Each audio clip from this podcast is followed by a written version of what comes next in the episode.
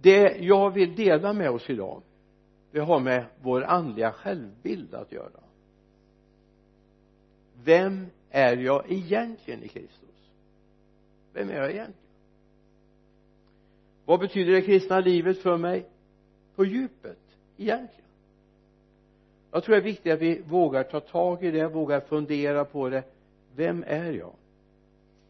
Så jag inte lever med en falsk bild och den här falska bilden kan både vara en högmodsbild men den kan också vara en bild där jag känner mig ratad misstrodd och inte tror att jag är någonting. Båda bilderna är lika farliga. Det är bra då att ha en sann bild. Vem säger Gud att jag är egentligen? Vi ska läsa några bibeltexter om en liten stund bland annat från uppenbarelseboken sändebreven. Men låt mig bara få säga så här. Jag önskar att du bara står vidöppen för när jag förberedde det här igår och i natt så fick jag bara en så stark känsla Gud vill korrigera. Inte fördöma. Gud vill korrigera. Vill få oss att se den här är jag i Kristus. Så att jag inte lever med en falsk bild. För det skulle vara hemskt den dagen om det uppenbaras att det inte tål provet.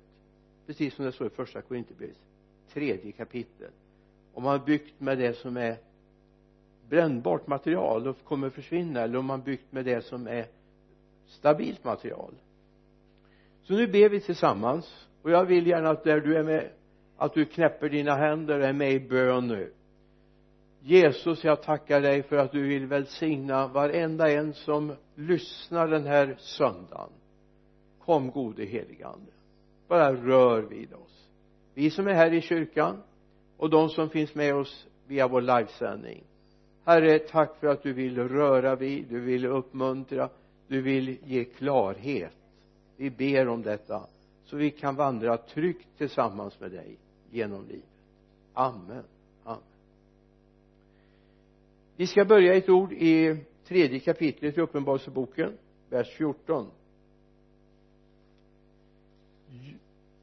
och skriv till ängeln för församlingen i Laodikeia så säger han som är amen den trovärdiga och sanna vittnet upphovet till Guds skapelse.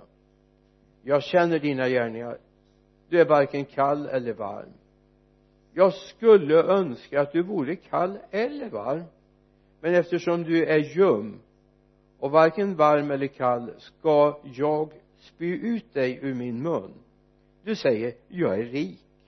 Jag har fått rikedom och behöver ingenting. Och du förstår inte att just du är eländig ynklig fattig blind och naken. Jag råder dig att köpa guld av mig som är renat i eld så att du blir rik. Och vita kläder att skyla din med så att din skamliga nakenhet inte syns. Och salva att smörja dina ögon så att du kan se. Amen. Om du ska åka tåg när jag bodde i Norrland så åkte vi nattåg ibland ner till södra Sverige.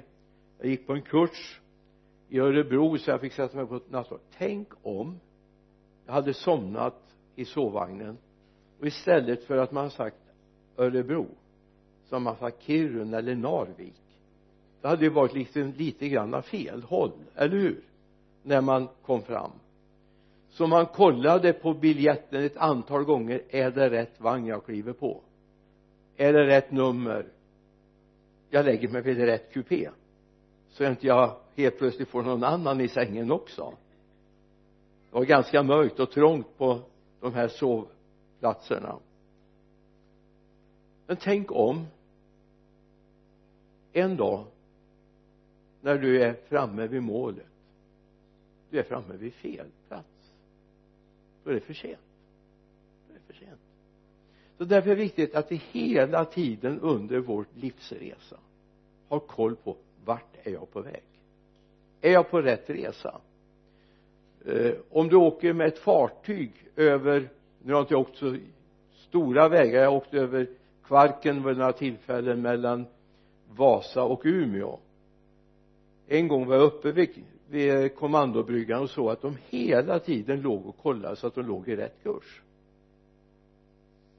det hade egentligen inte att göra med för Finland låg där Finland ligger va? Den, den flyttade sig inte. Och, och Vasa låg där den låg. Och de var väl inte så att de var oroliga men det sparade också bränsle om man höll rätt kurs hela tiden och justerade det. Och det var man angelägen om. Och jag tänkte så här vi behöver också kolla ibland. Är vi på rätt väg? Är vi på väg till det som vi egentligen är våra drömmars mål? Jag hoppas dina drömmars mål är himlen. Det är min dröms mål i alla fall. Under resan vill jag försöka få vara till välsignelse. Så ha med dig det. Är du på rätt är du i rätt vagn? Är du på väg till rätt mål?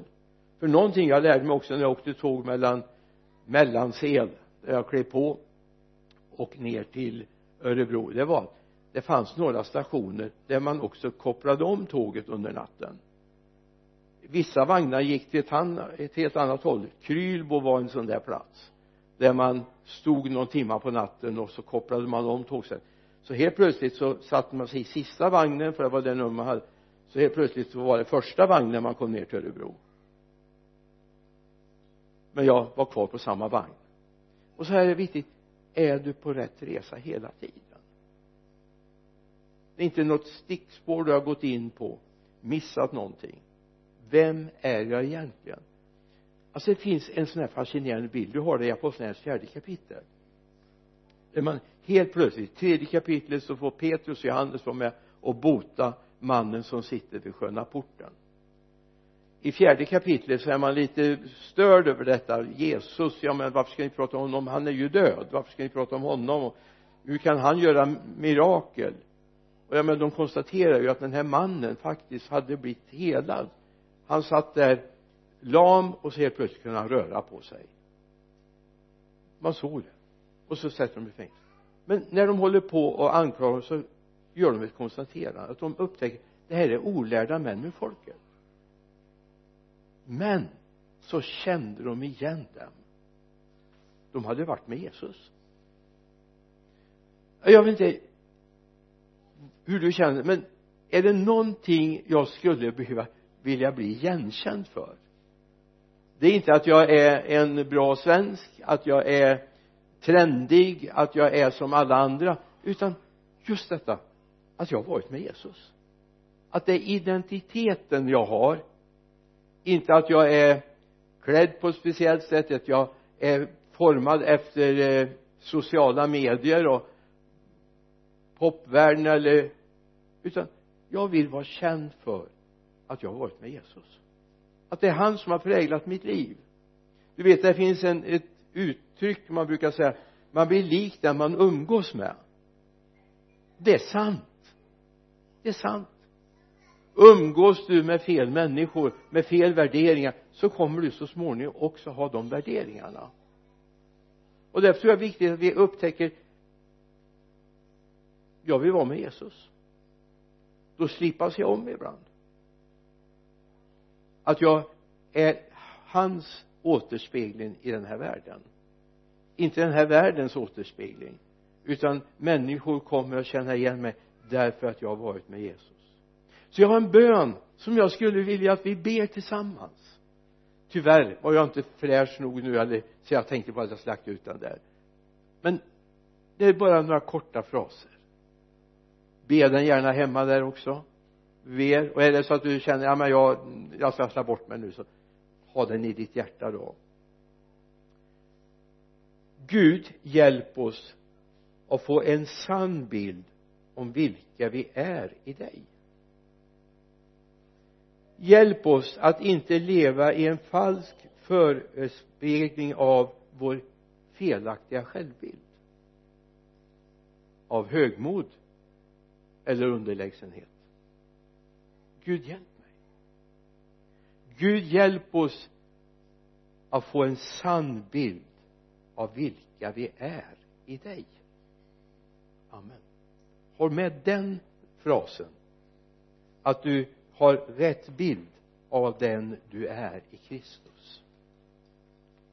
Många lever med en falsk bild. Utifrån uppväxt bakgrund, miljö. Alla dessa människor som hört du duger ingenting till, du kan ingenting. Till de som tror att om inte de fanns så skulle inte världen bestå.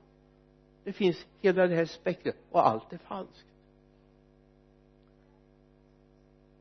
Det var en man som sa vid ett tillfälle det här är tycker jag näst intill lite allvarligt, mycket allvarligt. Han tänkte så här, det var bönemöte i församlingen. Och han tyckte det var väldigt trögt. Det kan vara det faktiskt på bönemöten ibland. Då tänkte han så här ja nu får jag väl lov att be så det blir någonting. Andligt högmod. Det är ingen bra bild. Det är ingen bra bild. Utan vi ber vi hjälps åt därför att vi vill tillsammans kliva fram inför Gud i tillbedjan, i bön. Jag vill ge dig två bilder ifrån uppenbarelseboken. Den ena har vi i tredje kapitlets åttonde vers. Det var det vi läste nyss. Jag känner dina gärningar så jag har ställt nej det här läste vi inte vi läste lite längre fram. Jag känner dina gärningar se jag har ställt en dörr öppen för dig som ingen kan stänga. För din kraft är liten och du har hållit fast vid mitt ord och inte förnekat mitt namn. Jag har ställt en dörr öppen för dig. Det är den ena bilden. Och jag bara önskar att du skulle få den tilltaget idag. Okej okay, du känner dig ringa. Egentligen känner du dig väldigt oandlig i din känslovärld men Gud har en annan bild. Och jag skulle bara vilja presentera den bilden för dig. Det finns en som har ställt en dörr öppen för dig. Gud vill att du ska gå in. Du ska få se att han vill välsigna dig. Så låt inte allt det du hörde i barndomen kanske till och med i kyrkan bland kristna vänner låt inte det få prägla resten av ditt liv.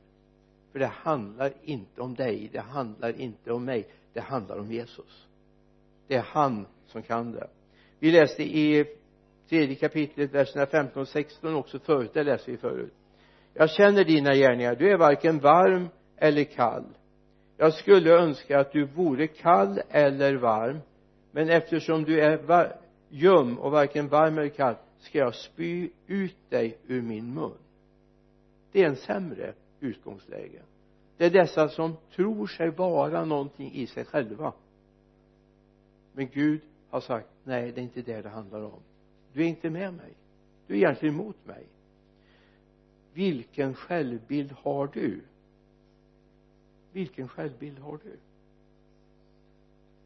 Kom ihåg att självbildens kärna och centrum är Jesus. Självbildens kärna och centrum är Jesus. Det kristna livet handlar inte om prestation. Det handlar inte om hur många vi har vittnat för. Det handlar inte om hur många kapitel vi har läst. Det handlar inte om hur duktiga vi har varit. Utan det handlar om hur mycket han får prägla mitt liv. Hur mycket han får fylla mitt liv alltså måttstocken är egentligen helt annorlunda. Om du går med mig till Matteus evangeliet 25 kapitel ska du se. Där finns måttstocken.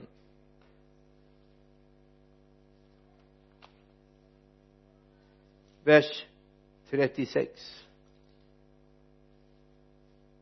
då ska kungen säga till dem som står på hans högra sida kom min, min faders välsignade och ta emot det rike som står berett för er sedan världens skapelse. För jag var hungrig och ni gav mig att äta. Jag var törstig och ni gav mig att dricka. Jag var främling och ni tog emot mig. Jag var naken och ni klädde mig. Jag var sjuk och ni besökte mig. Jag var i fängelse och ni kom till mig. Det här är en viktig självbildsgrund hur är det?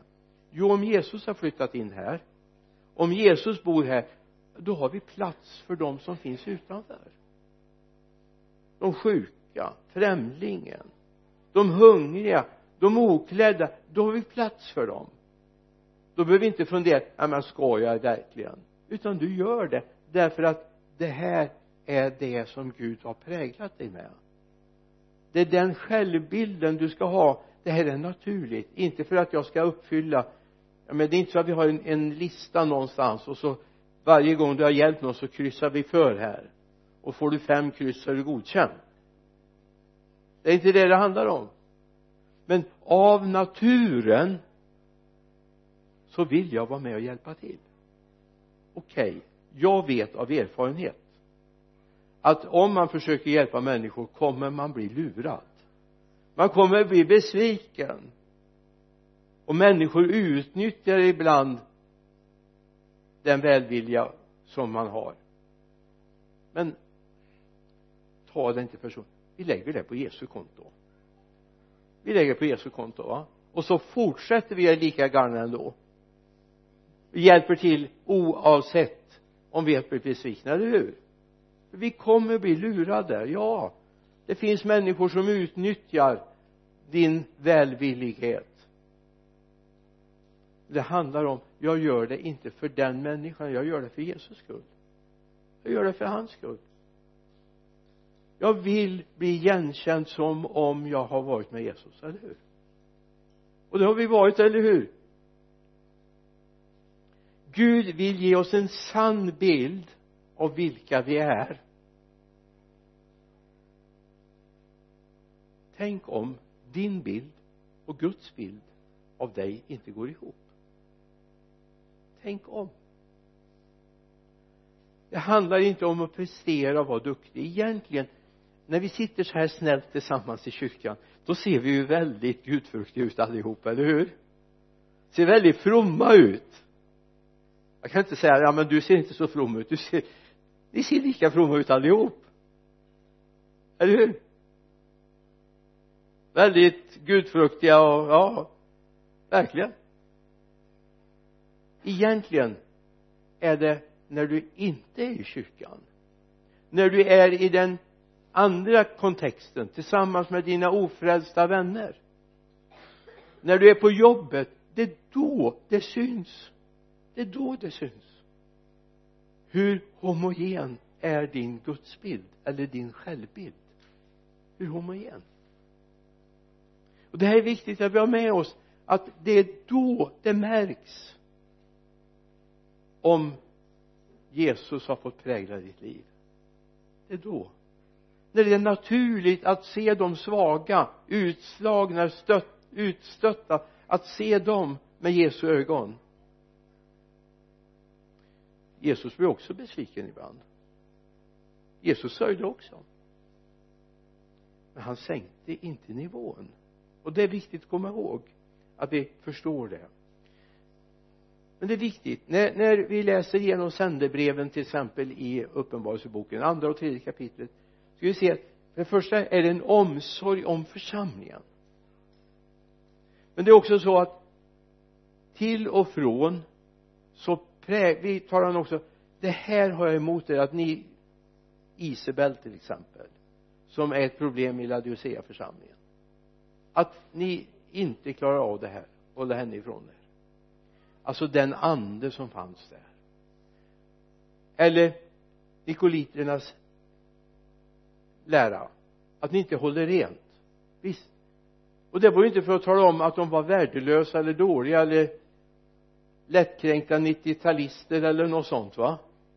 Det ni vet väl att 90-talisterna är ju kända för de lättkränkta det är liksom allmänt vedertaget idag.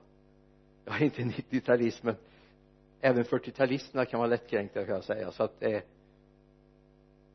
och eller vilket 70-talister och så vidare. Mm.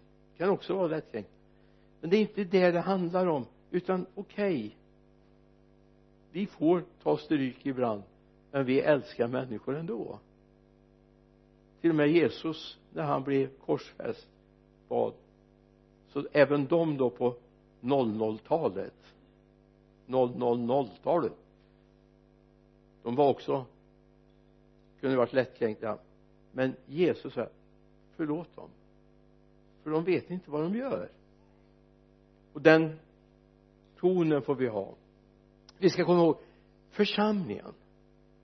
Den här fantastiska gemenskapen som egentligen är så olika, så spretig ändå så homogen alltså det, det är en paradox egentligen att vi kan vara en församling. Eller hur? Vi kommer ur helt olika miljöer.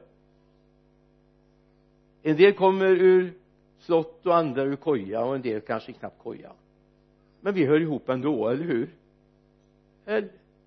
Vi ser framför den här gemenskapen har Gud ett jätteöga och ett jättehjärta för.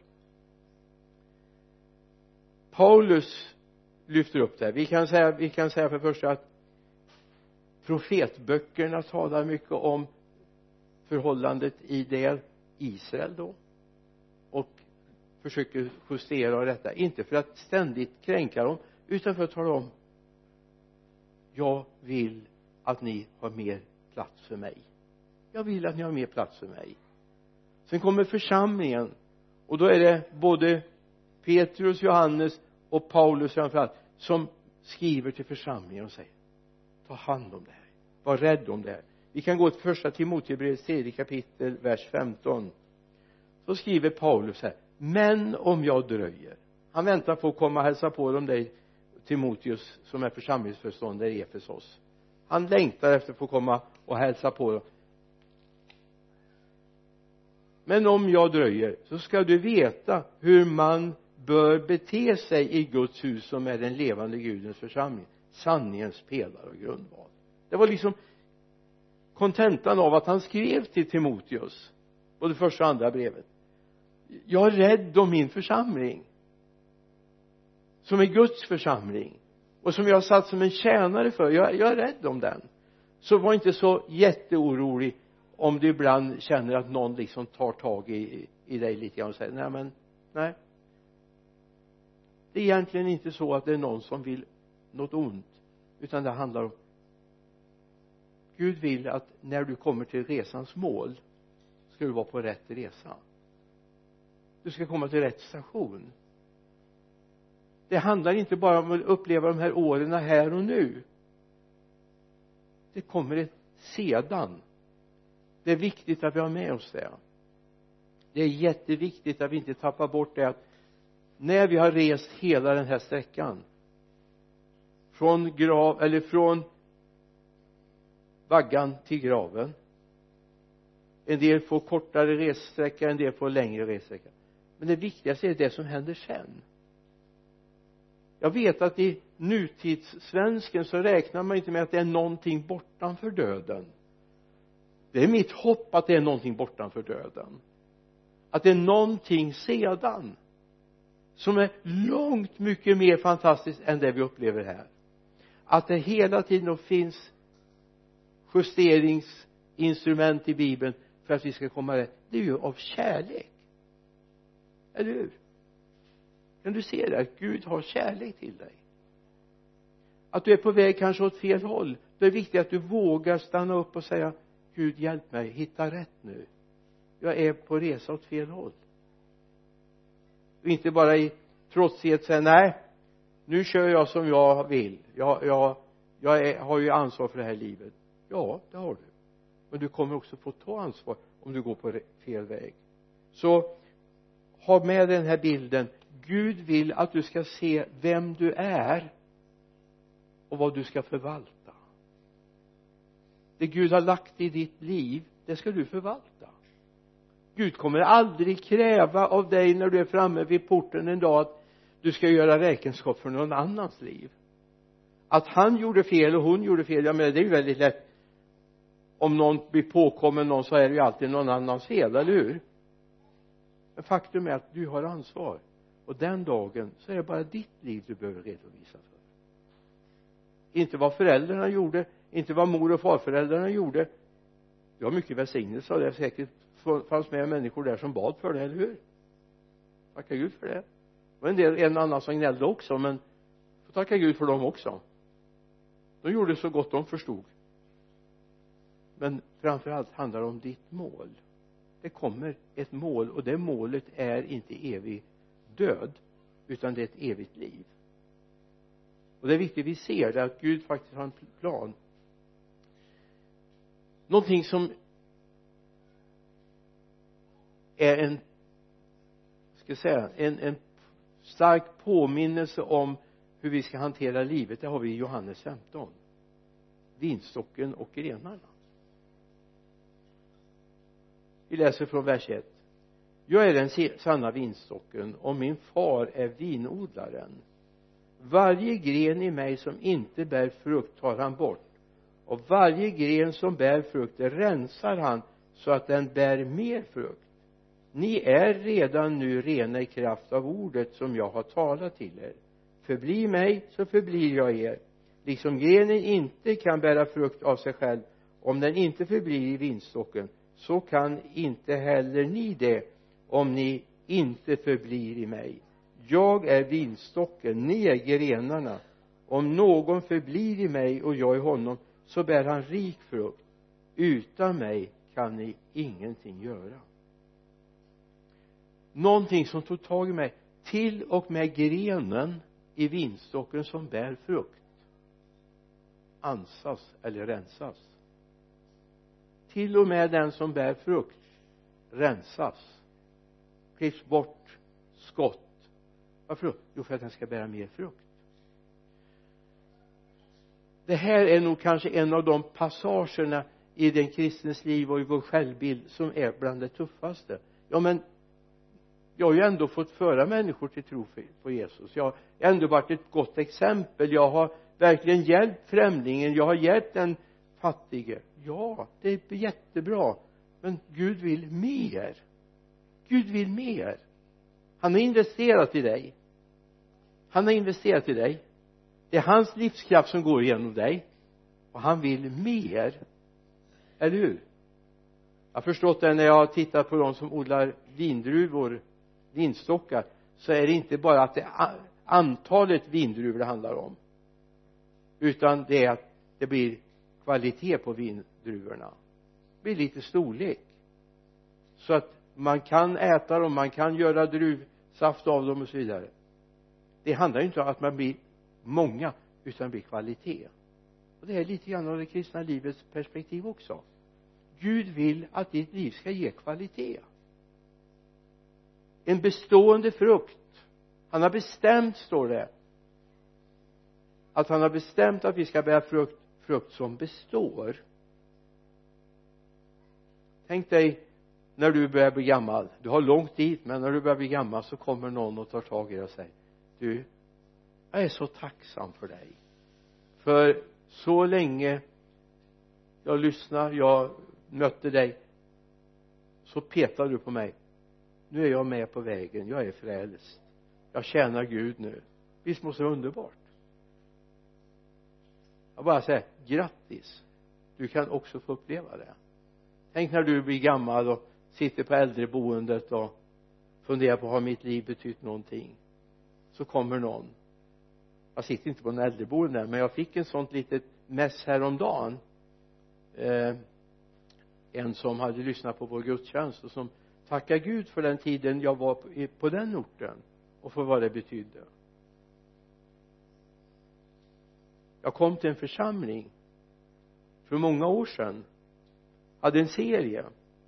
Vad jag inte visste det var att man just dagarna eller veckorna innan hade samtalat om ska vi lägga ner församlingen? De började bli trötta och tröttkörda och så hade vi en tältmötesserie och Gud kom på ett sådant här mäktigt sätt nya kom till tro människor blev upplivade. Vissa konflikter löstes några uppstod tyvärr. Och så fick jag hälsningar. det var i den serien som det vände för församlingen. Och nu är det en livkraftig församling. Jag kan inte nämna plats och namn nu men är du nyfiken får du fråga sen kan säga så här att tältmötesserien var utanför något som heter Futurumverken. Det var väl väldigt bra va? Futurumverken. Du kan skriva futurum även på tältet? Det är viktigt att vi ser att Gud har plan för ditt liv. Och Gud vill att du börjar titta på honom. Ha blicken fäst på Jesus står det i Hebreerbrevet. Vi läste det nyligen här va? Ha blicken fäst på Jesus trons hövding och fullkomnare Hebreerbrevets tolfte kapitel vers 2 ha blicken fäst på Jesus. Det är det det handlar om. Om du vill bli präglad av honom man blir lik den man umgås med, eller hur? Tyvärr kan man säga det när man möter människor. Man kan märka om det är den här världens ande man umgås med eller Jesu ande man umgås med det handlar inte om vad jag själv skriver på etiketten och talar om att jag är. Utan det syns om det är den här världens ande som präglar eller Guds ande som präglar. Gud vill att det är Jesu ande som ska prägla ditt liv. Ha din blick fäst på Jesus. Och det är inte bara liksom hålla koll på honom utan följa honom. Det är det det handlar om. Att följa honom. Ha honom som en förebild i allt. Ha den där frågeställningen med dig när du står och bryter och ska jag göra det här, ska jag göra det, är det okej okay? fråga, vad skulle Jesus ha gjort? Vad skulle Jesus ha gjort? Det är en viktig fråga. Vad skulle Jesus ha gjort? I allt kommer vi förmodligen inte kunna förstå riktigt hur Jesus hade tänkt. Men vi kanske kan få en liten hint om ja men det här skulle nog inte Jesus ha gjort. Han skulle inte varit här. Han skulle inte gjort det och så vidare däremot kanske han skulle ta ett steg till för att hjälpa någon som är i behov. Att komma in i Guds vila, Guds tro tro på Gud. Mm. skulle jag be om en handuppräckning bland de flesta människorna nu kan vi inte göra det via skärmen jag ser ju inte om du räcker upp handen eller ej så skulle jag kunna ställa frågan så här tror du på Gud? Väldigt många skulle bekänna jag tror på Gud. Men då har vi missförstått det hela. Tro är att göra. Tro är att göra. Tro är att ta beslut. Att tro på Gud är inte bara att konstatera att Gud finns utan det är att konstatera att jag ska följa honom tro är att visa att jag följer honom i allt att jag går tillsammans med honom att jag har plats för honom i mitt liv. När de såg Petrus och Johannes och såg att de var olärda män ur folket apostlagärningarna 4, 13 och märkte att de var olärda män ur folket så påminner de har varit med Jesus. De hade blivit präglade av Jesus. De har blivit uppfyllda av Jesus så till och med de kan stå där vid sköna porten. Alltså hör och häpna. De står där. De har varit med Jesus. De har inte Jesus med sig här i fysisk gestalt nu. Så säger de till mannen i Jesu Kristi Nazarens namn stå upp och gå. De hade varit med Jesus. Och det händer någonting. Det kan hända någonting även när du möter människor.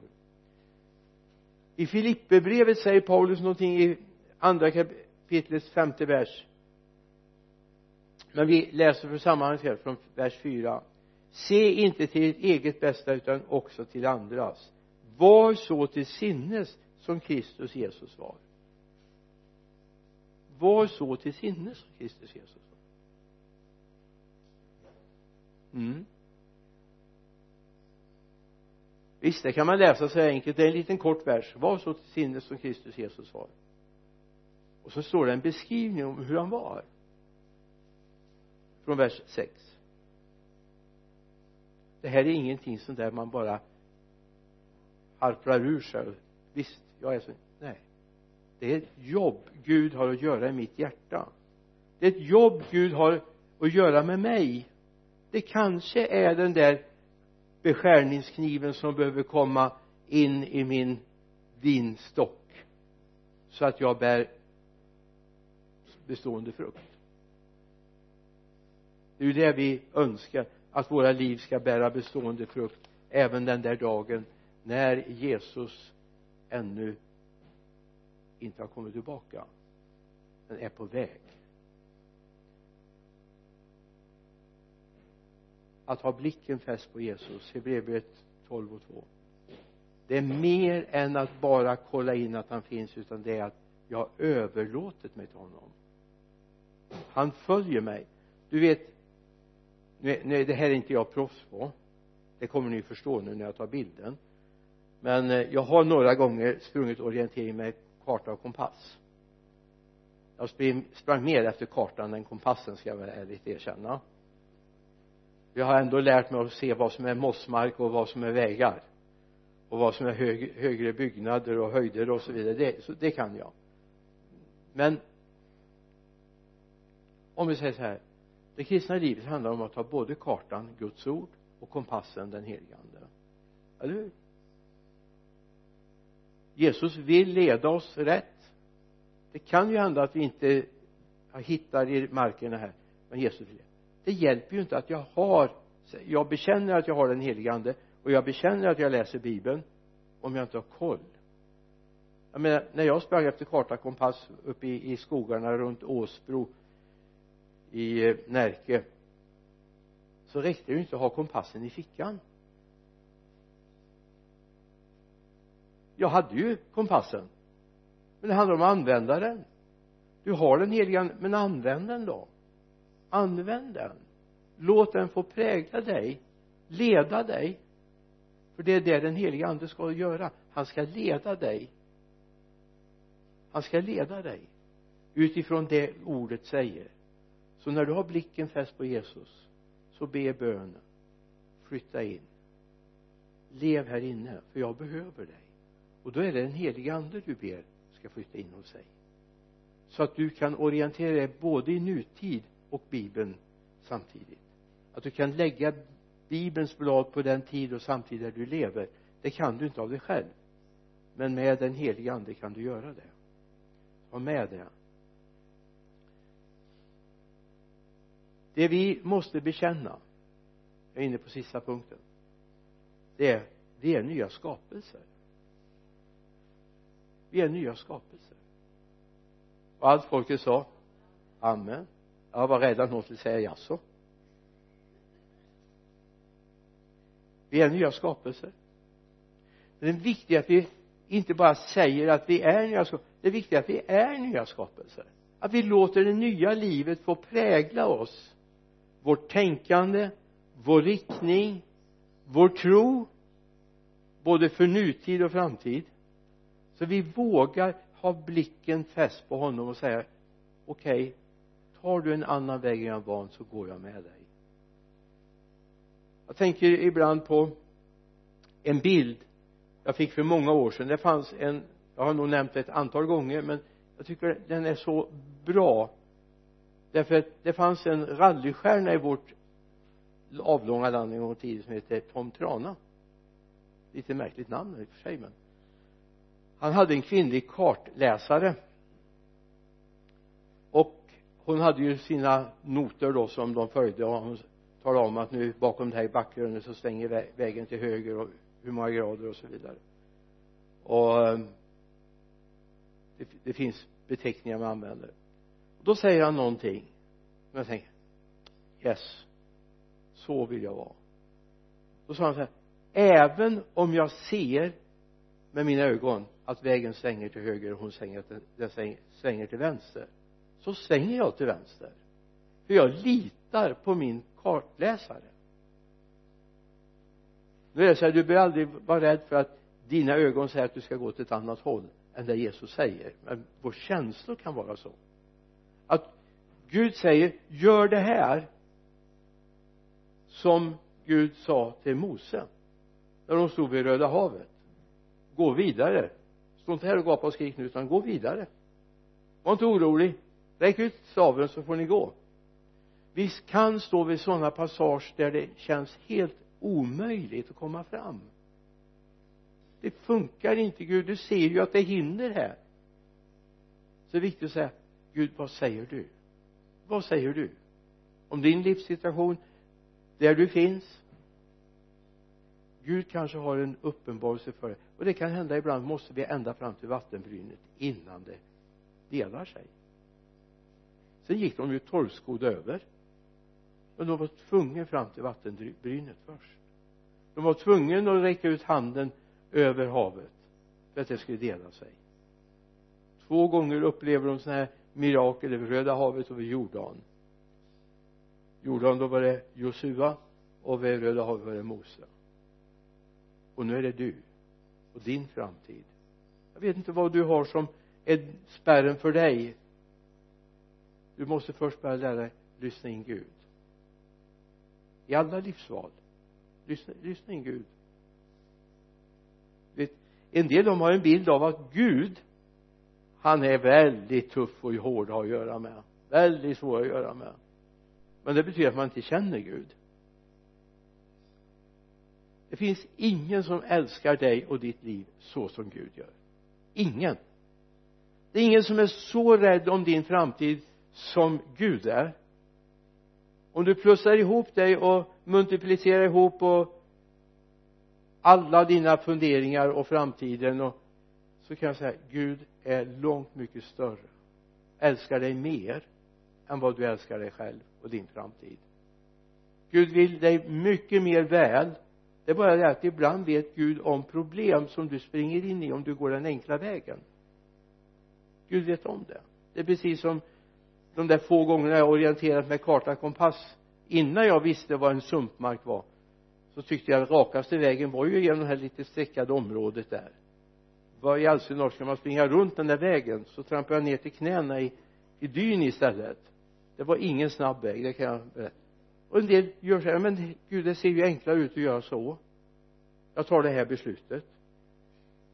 Och Gud säger nej ta den här vägen. Den är bättre för dig. Ja men jag springer ju tillbaka då. Nej du kommer rätt. Är du med? Lyssna in. Vilken självbild har du? Vilken självbild har du? Den misslyckades självbild? Eller den som går rätt väg med Gud? Eller den som är lite övermodig och tror att Gud går med dig? Men det är du som ska gå med Gud. Förstår du? Det är Gud som du ska gå med Gud. Det är inte så att du kan tvinga Gud att gå din väg. Ibland gör han det av omsorg för att inte du ska gå under. Men det är viktigt att komma ihåg Gud får jag gå med dig?